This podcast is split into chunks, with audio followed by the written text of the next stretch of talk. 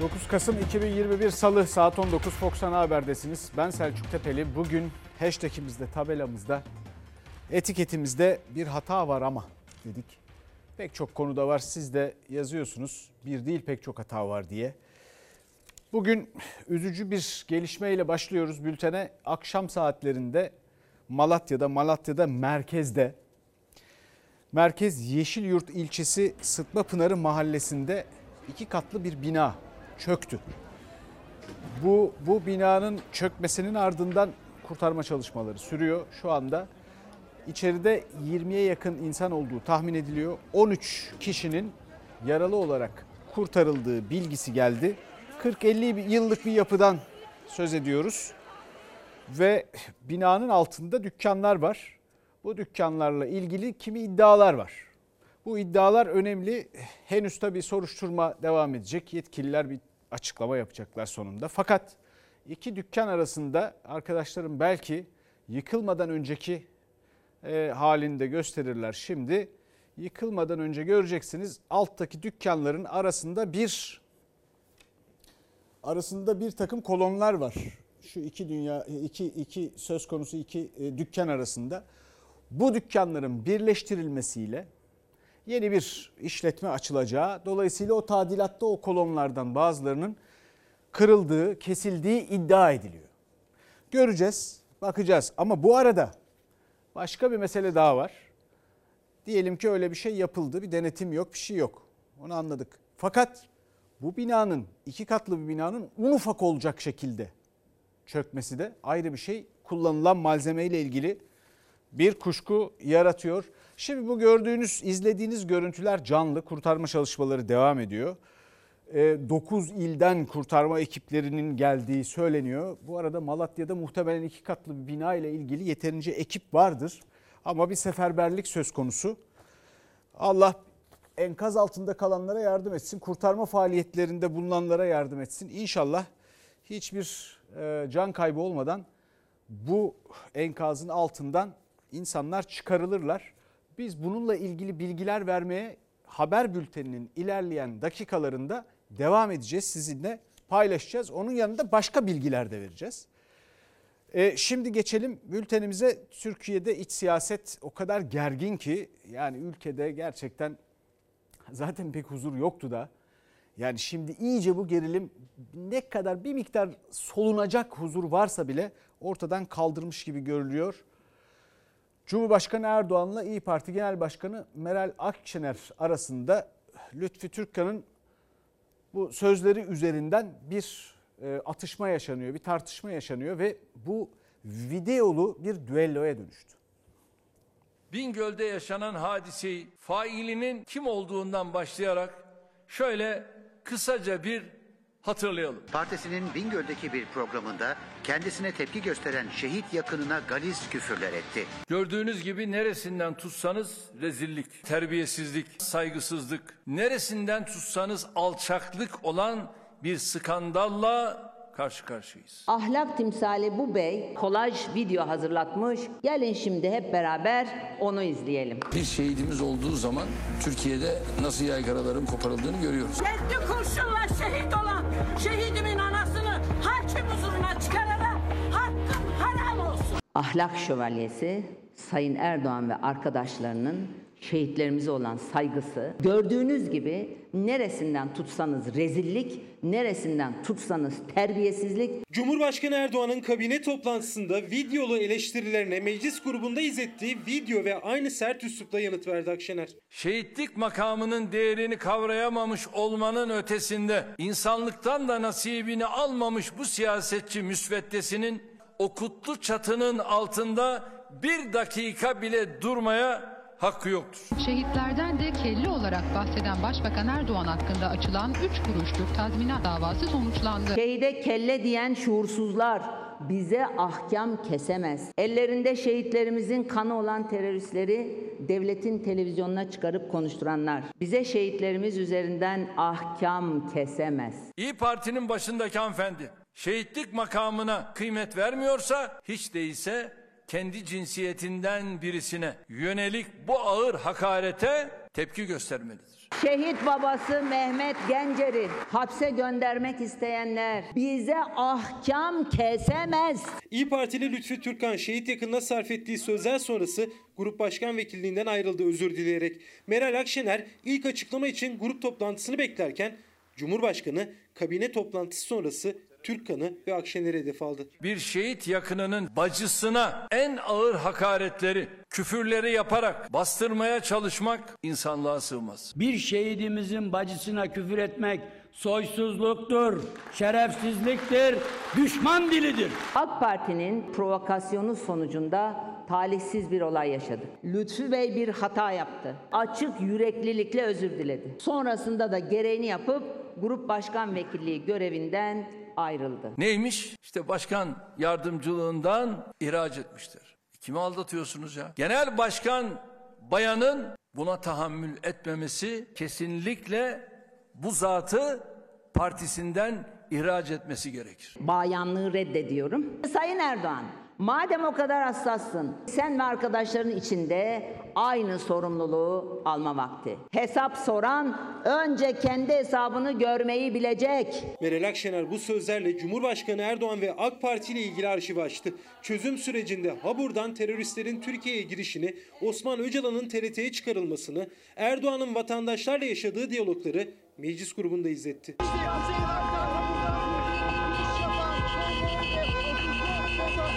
Habur rezaletinde çadır mahkemelerin kurulduğunda bu bayrağı oradan Atatürk resmiyle teröristler rahatsız olmasın diye indirenlerin bize edecek tek kelime sözleri, bize verecek tek satır dersleri olamaz. Bu şahsın milletvekilliğinin sonlandırılması dahil en ağır bedelleri ödemesi için siyasi ve hukuki tüm imkanları kullanacağız. Dini değerlerimizle dalga geçen egemen bağışı atadığın büyükelçi görevinden hemen al. Senin zihniyetindeki birinden istifa etmesini elbette beklemiyorum. Ama en azından daha önce kelle olarak andığın şehitlerimizin ailelerinden en azından özür dile. Cumhurbaşkanı ve Akşener bu sözlerle karşı karşıya geldi. Öte yanda Cumhuriyet Halk Partisi ile iktidar bloğu arasında da bir kandil atışması sürüyor. Bu tezkereye karşı çıkmak, bitme noktasına gelen terör örgütünün sınır ötesindeki unsurlarına can simidi atmak demektir. Bölücü terör örgütünün siyasi uzantısının emrine girmek demektir. Kuvayi Milliye geleneğinden geliyorsak, toprağa basmış olan yabancı asker postallarını bu ülkeden atmışsak, yabancı askerlerin gelmesini istemiyorsak zaten tezkereye hayır demek zorundayız. CHP yönetimi PKK'ya, YPG'ye, PYD'ye evet, Türkiye'ye hayır demiştir. Cumhur İttifakı ortakları CHP'nin yabancı askerlerin Türkiye girişine izin vermesi ve süresi nedenleriyle karşı çıktı. Hayır oyu verdi. Irak ve Suriye tezkereleri üzerinden hedef aldı Kılıçdaroğlu'nu terörle işbirliği suçlamasıyla. Geçmişte defalarca evet dedikleri bir tezkere metnine bu defa yabancı asker gibi zırvalık derecesine varan gerekçelerle saldıranların bir yerlerden işaret aldıkları anlaşılmaktadır. Daha önce gelen tezkerelere evet demiştik. Evet dedik de ne yaptılar? 33 askerimiz şehit edildiğinde hesabını sormak yerine başka bir ülkenin bir egemen gücün kapısında dakikalarca beklediler. Benim ağrıma gidiyor. Irak ve Suriye tezkerelerine hayır demelerini yalan ve iftiralarla bezeli nutuklarla savunanların Yozgat'a gidince Kandil'i yakıp yıkmaktan söz etmeleri de bir başka omurgasızlık örneğidir. Kandil denen yuvayı yerle yeksan etmezsem Kılıçdaroğlu demesinler. Güler misiniz, ağlar mısınız? Sayın Kılıçdaroğlu, Yozgat'a gidip bunu Bozok Yaylası'nın yiğitlerine değil, terör destekçilerinin yüzüne haykır. Haykır da adam mısın değil misin karar verelim. Birisi diyor ki ben milliyetçiyim. Öbürü diyor ki ben her türlü milliyetçiliği ayaklarımın altına aldım. Bunlar koalisyon kurmuşlar. CHP liderinin tezkere ve kandil çıkışları kadar Kanal İstanbul konusunda Türkiye'deki yabancı büyükelçilere gönderdiği mektupta tartışılıyor. Kılıçdaroğlu elçileri ülkelerinden ihaleye girebilecek yatırımcılar konusunda uyardı. İhanete ortak olmayın diyerek. Kanal İstanbul ihalesine kim girerse ağır bedeller ödeyecektir. Türkiye'nin bir meselesini yabancı büyükelçilere nasıl bir mantıkla hangi hakla şikayet edip yardım dileniyorsun? Anlamıyorlar. Ya ülkenin menfaatini korumak, göz bebeğimiz İstanbul'u korumak ne zamandan beri yabancılara ihbar oldu? Bunu söyleyenler bizim milliyetçiliğimizi asla sorgulayamazlar. CHP lideri tezkere oyunun da Büyükelçilere yazdığı Kanal İstanbul mektubunun da arkasında. İzleyicilerimizden gelen mesajlardan bahsedeyim. Bir izleyicimiz asgari ücretin altında emekli aylığı alan bağ kurulular var demiş. Bir başka izleyicimiz bir hata var ama tavuk göğsü kilosu 50 lira olmuş. O da çok büyük bir hata orada çok büyük bir hata var demiş. Efendim kargoda e, kampanyalar var patlıyoruz abi kargoda diyen bir başka izleyicimiz var. Tabii pek çok kurye pek çok bu işlerle uğraşan insan çok zor şartlarda çalışıyor. Can hıraç yetiştirmeye çalışıyorlar. Bir de yaranamıyorlar da yani bir de öyle de bir mesele var. Ee, şimdi geçelim Türkiye'nin siyaset gündeminden konuşmaya, haberler vermeye devam edelim.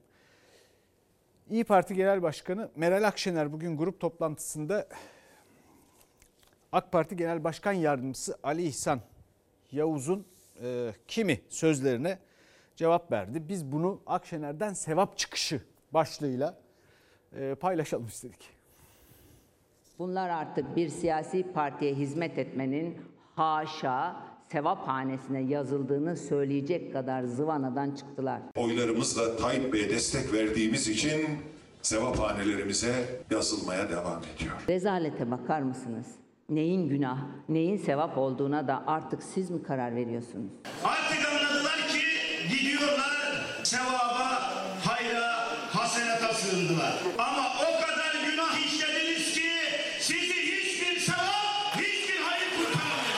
AK Parti Genel Başkan Yardımcısı Ali İhsan Yavuz'un Recep Tayyip Erdoğan'ı destekledikçe hanelerimize sevap yazılıyor sözleri muhalefetin gündeminde. Meraklıysanız Kur'an-ı Kerim'de neyin sevap, neyin günah, neyin haram, neyin de helal olduğu yazıyor. Mesela hırsızlık haram. Mesela Beytülmale göz dikmek, el uzatmak haram. Böyle bir yiğit başımızda bulunuyor. Bu güzelliklere vesile oluyor. Sevaphanesine güzel şeyler yazıyor. Mesela yalan söylemek haram. Mesela iftira atmak haram. Mesela kula tuzak kurmak haram. Dinimizin kutsallarını günlük siyasete alet etmek kadar yanlış bir şey olamaz. Ali İhsan Yavuz Cumhurbaşkanı'ndan bahsederken iyi işler yaptığını dolayısıyla onu iktidarda tutmanın oy verenlerin sevaphanelerine işlendiğini söylemişti. Akşener grup toplantısında yayınladığı kliple geçmişi de hatırlattı. AK Partili isimlerin geçmişte kurduğu benzer cümleleri. Başbakanımızın aşığıyız. Başbakanımız bizim için adeta ikinci peygamber gibidir. Senin adamların öyle diyor, söylüyor sana. Son peygamber. Tövbe ya Rabbim. Haşa. Allah'ın bütün sıfatlarını üzerinde taşıyor. Ölüler oy verin diyor. Allahu Teala'nın bütün vasıflarını toplamış bir lider Sayın Recep Tayyip Erdoğan var. Şirkten bile korkmayan bu iktidar ve mensupları millet iradesinin ne olduğunu da unutmuş durumdalar. Recep Tayyip Erdoğan'ı iktidarda tutmak, yaptıkları sebebiyle sevaphanemize bir şeylerin yazılıyor olması çok büyük bir şey. Ya insan çıkar haşa der be haşa der. Asıl mesele en baştakinin sessiz kalması. Çıkıp da siz ne yapıyorsunuz? Bu ne rezilliktir dememesidir. Hatta tam tersine bu sözlerden keyif alıyor arkadaş. Akşener geçmişten bugüne Erdoğan'ın benzer çıkışlara sessiz kalmasına dikkat çekti. Ülke gündemine bakar mısınız? Arkadaşlarım dediler ki ya yani bu, bu haberin içeriğiyle ilgili veya bu gündemle ilgili haberin içeriği elbette olan biten konuşulan siyaset sahnesinde ne varsa bununla ilgili yani ayağın geri geri gidiyor dediler şimdi biraz önce. E doğru ya bunları bu insanların gündeme sokmaya çalıştığı bu türden konuları ben gündelik hayatımda bile konuşmam buna vakit ayırmam. Şu ülkenin milyon tane sorunu var. Açtıkları ülke gündemini tirolleyerek efendim Ali İhsan Yavuz ve benzeri iktidar bloğundan adeta görevleri o olan isimlerin bu açtıkları gündemlere bir baksanıza. Ülkenin milyon sorunu var. Biz dedik ki ya bir yer bir, bir yerde bir hata var ama E, izleyicilerimiz de diyorlar ki bir değil bin hata var. Ve bu bahisleri açıyorlar bu konuşmalarla. Bu ülkenin siyaseti de bir şekilde ciddiye almak zorunda kalıyor, üstüne yorum yapmak zorunda kalıyor. Tarif etmek, anlatmak, kendi tarafından görüşünü ortaya koymaya çalışıyor filan. Bugün Plan Bütçe Komisyonu'nda Ankara'da mecliste Tarım Bakanlığı bütçesi görüşmeleri vardı. Bakana mecliste gübreli bir protesto yapıldı. Ne olacak çiftçinin hali? Ne oldu çiftçinin hali? Ali abi. Ya şöyle yapmak.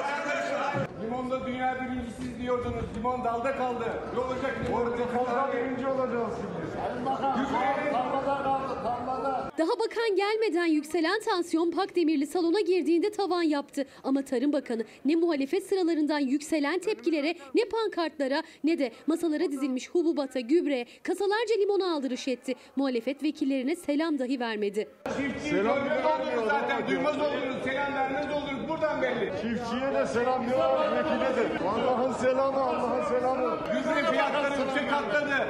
Ne olacak çiftçinin hali?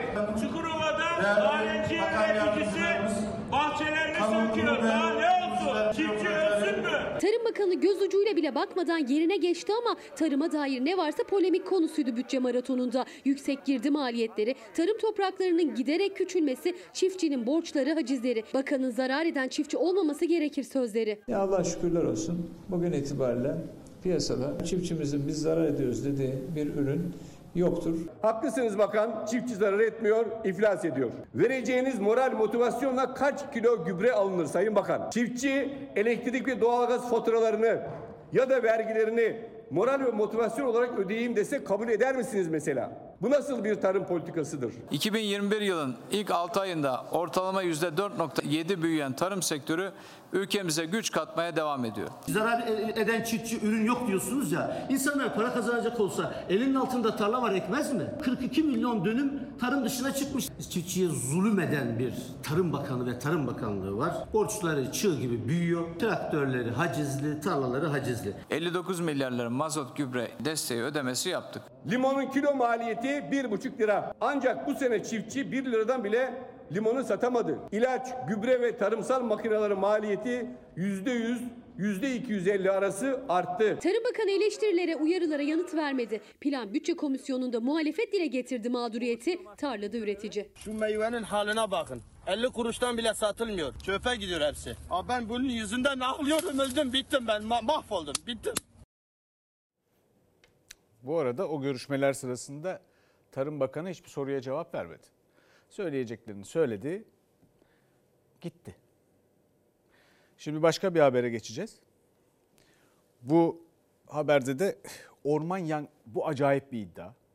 Bir kere bunu söyleyeyim. Yani çok tartışılacak, çok konuşulacak bir iddia. İddiada söylenen orman yangınları biliyorsunuz bu yaz büyük bir afetle karşı karşıyaydık. Haftalarca konuştuk. Ağaçlarımız kül oldu, ormanlarımız yandı, ciğerlerimiz de yandı. Kampanyalar düzenlendi. Zararımız büyük, köyler mahvoldu, can kayıpları. Orman yangınlarından milyar dolarlık rant iddiası. Çok fena çok fena. Yanık alanlardan yaklaşık 20 milyon metreküp orman ürünü elde edilecek. Türkiye'de kalması gereken bu artı değerin çok uluslu şirketler eliyle dışarıya kaçırılması bir vurgundur.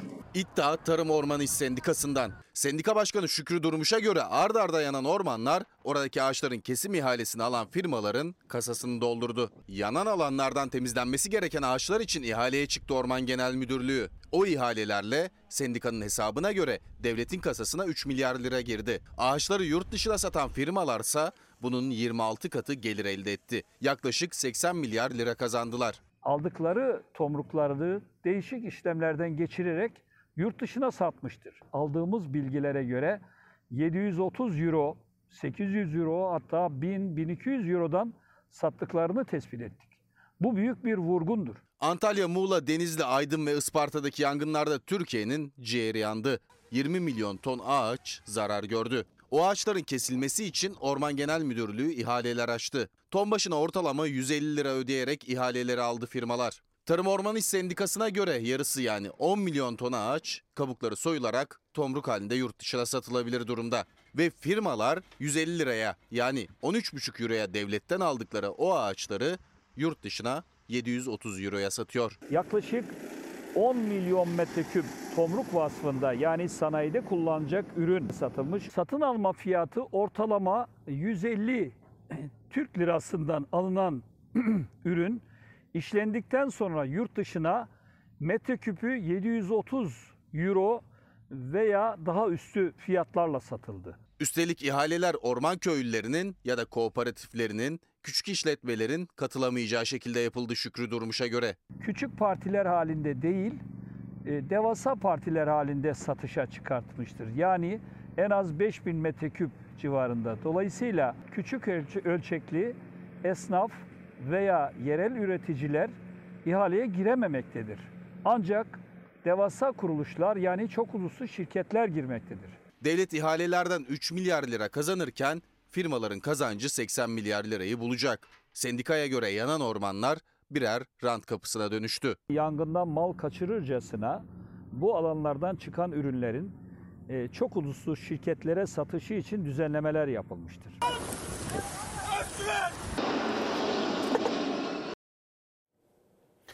Şimdi bu yanan ormanların, afetlerde, fırtınalarda, kasırgalarda devrilen ağaçların ekonomiye kazandırılması doğal olabilir. Ama bunun üzerine devletin zarara uğratılması, bu iddia eğer doğruysa büyük skandal. Daha da ilginç olan bunun araştırılması durumunda şimdi ne çıkacak? Acaba? Yani bu yangınlara müdahaleden bunca yangının çıkmasına kadar başka ne iddialar eklenebilir? Çok ciddi bu. Bu konunun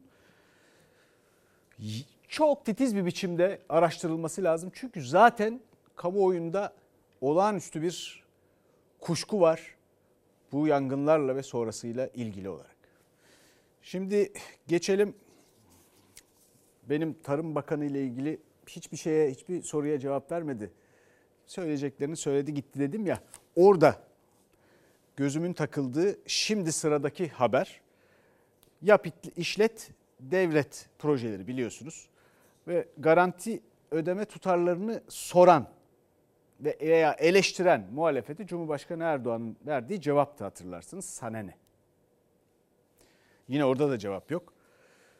Şimdi bunun üzerine buradan bir polemik, bir tartışma çıktı ve muhalefette şimdi Erdoğan'a yanıt veriyor. Kuruş vermiyoruz ha muhalefetin yanıtı. Şahsım yine yap işlet devlet olayını anlatıyor. Ben ekonomistim diyor. Ben ekonomistim. Siz ne kadar kaynak oluşturursanız devletin kasasından da bir kuruş çıkmaz. Ekonomistsin, ekonominin geldiği hale bak. Böyle ekonomiste ne denir? Çakma ekonomist. Bay Kemal'in kafası bu işlere basmaz. Anlamaz bu işlerden. Vallahi benim kafam bu işlere basmaz. Kul hakkı yemeye basmaz. Adaletsizliğe basmaz. Vatandaşın ödediği verginin hesabını vermek benim için onurdur. CHP lideri Kılıçdaroğlu ile Erdoğan bu kez yap işlet devlet projeleri devlete maliyeti üzerinden karşı karşıya. Kurulan her cümle söz düellosuna dönüştü. Cumhurbaşkanı yap işlet devlet projelerini ben ekonomistim devletin cebinden bir kuruş çıkmıyor diye savundu. CHP lideri ekonomiden anlamıyor diyerek ses yükseltti. Ekonominin nesini dahi bilmiyor. İlkokul mezunu bir bakkalı getirin. Verin devlet yönetimini vallahi bunlardan daha iyi yönetir. Ha, en azından fiyatı bilir, geliri gideri bilir yani. Bu yaptığımız anlaşmaya göre de 15 sene sonra 20 sene sonra hastaneyi nereye bırakırlar? Devlete bırakırlar. Ve bizim cebimizden de bir kuruş çıkmaz. Madem bir kuruş çıkmıyorsa kardeşim, sevgili şahsım bu bütçedeki milyarlar ne? İmza attığın bütçeden haberin yok. Bu daha vahim bir olay. Üstelik Türk lirası değil avro olarak veriyoruz. Dolar olarak veriyoruz. 2022 bütçesinde garanti ödemeler için ayrılan tutar 42,5 milyar lira. Döviz kuru arttıkça devletin kasasından çıkacak para da artıyor. Çünkü garantiler dolarla, euroyla. Muhalefet yap işlet devlet modeliyle yapılan otoyol, köprü, havaalanı ve hastaneler için ödenen garanti ücretlerini eleştirirken Cumhurbaşkanı bu işten anlamıyorlar, devletin cebinden bir kuruş çıkmıyor dedi. Kılıçdaroğlu yanıt verdi. Ya bu ana muhalefet, bu yavru, yavrular. Ya bizim yaptığımız bu şehir hastanelerinden rahatsız oluyorlar. Madem bir kuruş ödemiyoruz, madem sen ekonomistsin, gel çık karşıma oturalım. Vallahi bir şey sormayacağım. Sadece şehir hastanelerini soracağım. Diyor ki bunun parasını nereden buldun? Sana ne ya? Ne demek nereden buldun? Çıkmaz efendim çıkmaz. Yiğidin karşısına çıkacak adamın namuslu ve temiz olması lazım. Garanti ödemeli projeler polemiğinde CHP lideri bir kez daha canlı yayında tartışmaya davet etti Cumhurbaşkanını. Garanti ödemeler bilen geleceğiz ona. Konya depreminden, Konya'daki depremden bahsederken aynı zamanda Malatya'da e, enkaz biliyorsunuz çöken bir bina var iki katlı. Oradaki kurtarma çalışmaları sürerken oraya da gideceğiz. Bu haberler sırasında söz konusu garanti ödemeler memlekette paranın akıtıldığı müteahhitlik sektörü ve neticesinden bahsedeceğiz, konuşacağız. Elektrik faturaları. Dün yeni bir karar açıklandı kabine toplantısından sonra. Cumhurbaşkanı Erdoğan elektrik faturalarından TRT payı ve enerji fonu bedelinin kalktığını açıkladı. Muhalefet uzun zamandır bunu talep ediyordu. TRT fonunun kaldırılması bile indirimin sağlanmasına neden olacak. Önümüzdeki dönemde elektrik faturalarındaki TRT payı ile enerji fonu kesintilerini de kaldırma kararı aldı. Öneri CHP lideri Kemal Kılıçdaroğlu'ndan gelmişti. Kabine toplantısından elektrik faturalarındaki TRT payı ve enerji fonu bedellerinin alınmaması kararı çıktı. Daha önce muhalefet defalarca meclise aynı öneriyi getirmişti. Hepsi reddedilmişti. Sonunda kara kış bastırmadan o öneri gerçek oldu. Kara kış fonunu kurarak vatandaşlarımıza kış ayları için destek ver. Kılıçdaroğlu söyledi. Elektrik faturalarında TRT payı kaldırıldı. Vatandaş rahatladı. Faturalardaki TRT ve enerji fonunu da kaldırarak vatandaşlarımıza yaklaşık 3 milyar liralık bir destek daha vermiş olacağız. Elektrik faturalarından TRT payı kalkıyor. Teşekkürler Kılıçdaroğlu. Buyurun efendim. Hayal denilen pek çok şeyi gerçeğe dönüştürdüysek bundan sonra da milletimize verdiğimiz sözleri tek tek hayata geçireceğiz. CHP önerinin Kılıçdaroğlu'ndan geldiğini hatırlattı. Enerji Bakanı sözümüzde tuttuk dedi. TRT payı ve enerji fonunun faturalardan silinmesi ise tüketici cephesinde siyasetteki kadar büyük heyecan yaratmadı. Günlük bir rakam bir şey değil ki. Bir şey yaramaz yani. Göz boyama üstüne. Elektrik faturalarından artık TRT payı ve enerji fonu bedeli alınmayacak. 100 küsür liralık bir fatura üzerinden örnek verecek olursak TRT payı bedeli 1 lira 32 kuruş. Enerji fonu bedeli ise 46 kuruş. Bu da abonenin 113 liralık bir faturada 1 lira 78 kuruş daha az ödeyeceği anlamına geliyor. Yavrum ne fark edecek gözünü seveyim ya. Ne fark edecek? Şurada bir simit 2,5 liraya. Elektrik faturalarındaki KDV'yi kış boyunca kaldır. 113 lirada TRT payı ve enerji fonunun kaldırılması yaklaşık 2 lira fark edecek. Tüketicinin asıl beklentisi ise KDV'nin düşmesinden yanaydı. Kılıçdaroğlu'nun o önerisi karşılık bulmadı. Oysa yine aynı faturada alınan KDV 17 lira. TRT payını alsa ne olur almasa ne olur. Şu KDV'yi kaldırsın. Önemli olan o. Ha böyle dolaylı olarak ödediğimiz takım böyle fonlar, şunlar, bunlar bilmem şu payı bu payı o kadar çok var ki. Ya ikisi aradan çıkmış. Sadece elektrik faturasında değil pek çok kalemde. Dolaylı vergi cehennemi Türkiye. Farkına bile varmıyoruz. Sonra efendim bütçemiz fazla veriyor. Ya dünyada bunun eşi yok ki elbette bütçeniz fazla verecek. Ya neredeyse böyle adeta haraç gibi böyle dolaylı vergiler her tarafta. Üstelik de bunlar Mesela özel tüketim vergisi şu bu diye ama alakası yok. Temel ihtiyaç. Bir izleyicimiz demiş ki e, staj SGK başlangıcı olsun diyen 1 milyondan fazla insan var. Fakat iktidar mağdurları görmemekte ısrar ediyor. Bir hata var ama diye. Evet bunu söylediydik. Biz de burada duyurduyduk. Ya bu insanların SGK başlangıcı staj önemli bir şey. Ekonomiye katılması hayata tutunması.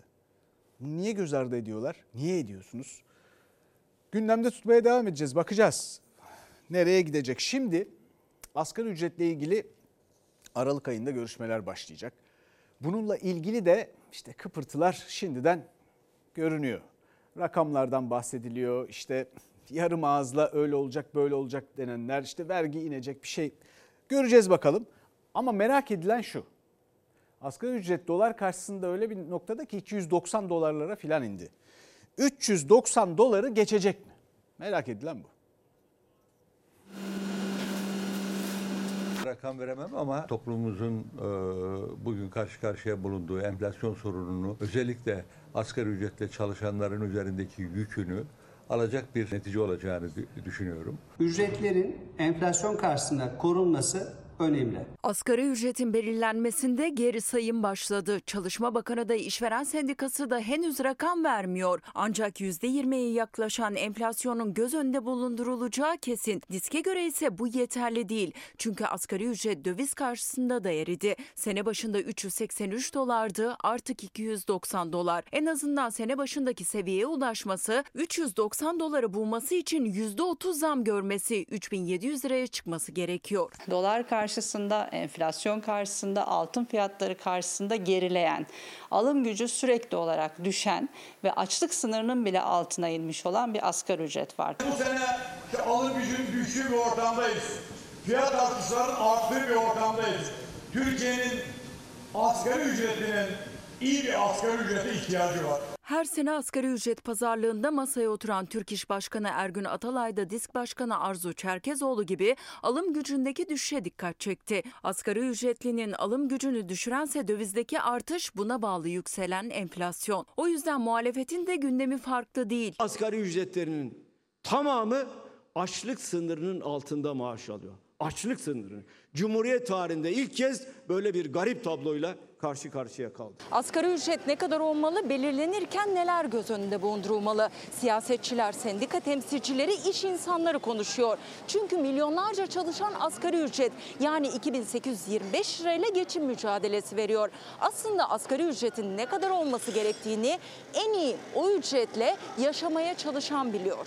3,5 olsa desek yine bizi kurtarmıyor yani. 4000 lira olması lazım. Her şey ortada. Domatesin, yağın, patatesin, kiranın, elektriğin, suyun, doğalgazın.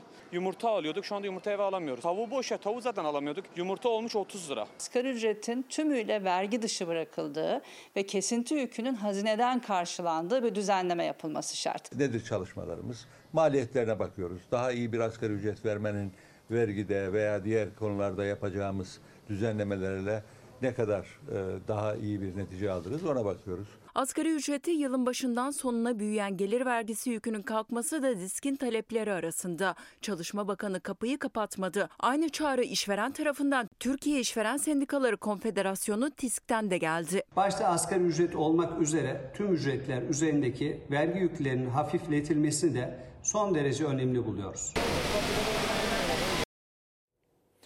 Haberi hazırlayan arkadaşım Meliha Değirmenci ile bu konu üstüne biraz haberden hemen önce konuşalım dedim. Üstüne sohbet ederken ya bir miktar belki umudu vardı. Bütün onları da kırdığımı hissettim doğrusu. Çünkü tablo bu haberdeki içerikten biraz daha genel bir başka ülke çapında bir perspektife oturttuğumuzda daha da feci. Şimdi bakın 50 milyon çalışabilir nüfusumuz var. Kabaca yuvarlayarak verdik.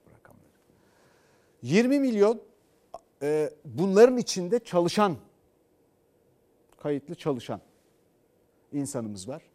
Onun da 10 milyonu asgari ücretli. Bunun neredeyse eşi yok. Yani zaten çalışan sayımız iş üretememişiz, istihdam yaratamamışız. Zaten az. Olması gerekenin çok altında. Ve onun da yarısının asgari ücretli olması, o da açlık sınırının altında biliyorsunuz. Bu bir kabus. Bu bir kabus. Şimdi bunun üstüne bakıyorum ben. Bir takım konuşmalar efendim işte arttırırsak ama işte iş dünyası işte üretim doğru. Onlar için de zor. Ödenmesi kolay değil. Evet bir sürü e, onun ilavesi var filan. İşte asgari ücret 4000 lirayı bulan bir başka e, toplama dönüşüyor onlar için. Ve doğru. Ama içinden çıkılmaz bir sorun bu. Son 40 yılda Türkiye'de yatırımcının veya girişimcinin karı artmış. Efendim e, vergiler artmış, verimlilik artmış. Son 40 yıldır çalışanın, sabit gelirlinin geliri artmamış. Bu olacak iş değil. Böyle ekonomi sürdürülebilir mi? Üstelik de vergileri onlardan alıyorsunuz. Şimdi o yüzden de nasıl kısacaklar bilmiyorum. Bütçeyi nasıl denkleştirecekler? Sabit gelirliden dünyanın vergisini alıyorlar. E üstüne aşırı dolaylı vergi var. Ha üreticiden ve e, işverenden de vergi alınıyor elbette. Onların gelir vergisi de eğer kar gösterirlerse filan aşırı. Ama onlar da başka yollar bypass etmek için önerilen şeyler var. Onları kullanıyorlar. İşte araç alıyorlar şirkete. Yok işte konut, ofis bilmem şu bu. Böylece sermaye ya da o işi ilerletmeye, bu ülkeyi zenginleştirmeye, bu ülkenin bir servet oluşturmasına imkan kal- kalmıyor. Hiç imkan kalmıyor. Böyle ekonomi olmaz. Şimdi bakalım tüp fiyatlarına asgari ücretten sonra bir yılda yüzde 48 zam geldi. Tüpü artık kredi kartından taksitle çekebilir miyiz diyen insanlar var. Almadığımız insanlar da var son zamanlarda. Yani veresiye istiyorlar. Veresiye istiyor. Veresiye de bedava falan değil. Kimse karşılama imkanı yok. Olana kalmamış. Bir tüp valla biz bir ay gitmiyor yani. Banyoyla beraber kaç tüp gidiyor o zaman ayda? iki tüp ayda iki tüp gider. 185 lira bir tüp. Ha şimdi şu anda 180 belki ay başında 200 lira olur yani kesin. Alır işte abi yarın vereceğim, öbür gün vereceğim. Olmazsa adamın aşı pişmeyecek. Onun için mecbur yani. Bugün almasa yarın alacak. 12 kiloluk mutfak tüpü bir yılda %48 zamlandı. En çok tüp kullanmak zorunda olan dar gelirlinin bütçesi sarsıldı. Tüp çok pahalı. İki tüp biz ayda iki tüp bize gidiyor. Tüp, bir tüp yani 185 hesapla. Biz haftada bir banyo yapıp korkuda. Tüm Tüp bitmesin diye. He, tüp bitmesin, ceylan gitmesin. Doğalgazı olmayan evlerde, mutfakta, banyoda mecburen bu 12 kiloluk tüpler kullanılıyor. Tek bir tüpün fiyatı 185 lira. Ayda iki tüp kullanan ailelerin ödeyeceği para 370 lira. 370 lira yapıyor. Bizim için çok para. Tabii ki ikisi de bizim için çok yüksek fiyat yani bize. Ama e, yani e, şu an için annemler yaşlı olduğu için yani onların kullanımı açısından doğalgaz kolay. Türkiye'deki asgari ücreti değerlendirdiğin zaman, tüpü de ortaya koyduğun zaman vah halimize. Hem esnafa hem de tüketene Allah yardım etsin. Ayın sonunu zor getiriyor emekli, asgari ücretli. Bir de doğalgazı olmayan ya da yüksek doğalgaz faturalarının altından kalkamayan mecbur tüp kullanıyor. Nerede yetiştireceksin o, o aylıkla? Doğalgaz daha pahalı geliyor bana. Doğalgazı olan zaten kullanıyor, olmayansa hesap yapıyor. Tüp mü, doğalgaz mı diye. Ama işin içinden bir türlü çıkamıyor çünkü her ikisi de çok pahalı. Tüp kullanırsan pahalı. Doğalgaz kullanırsan yine pahalı. İkisinde gücümüz yetmiyor ya. İkisinin arasında kalmışız. Pahalı mı doğalgaz? Çok pahalı.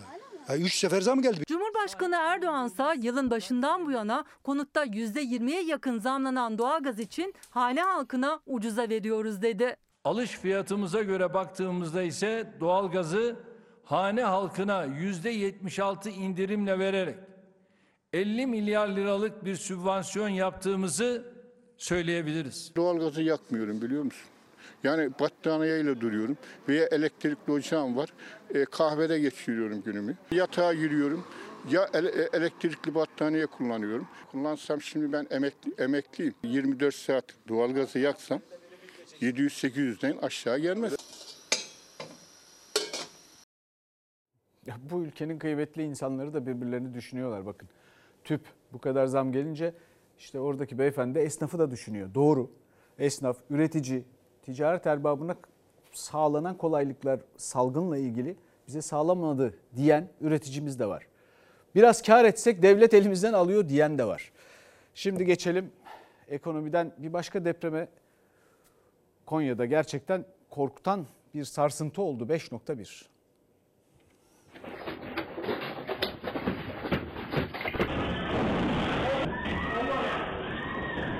İyi salladı. Binalara bir bakın dur. Evet. Baba kapılar Durdu galiba durdu. Hayır hayır sallanıyor baba. Oturun. Bizde dam gün badak sanki taş burar gibi oldu. Çocuklar korktu birbirini kucakladılar.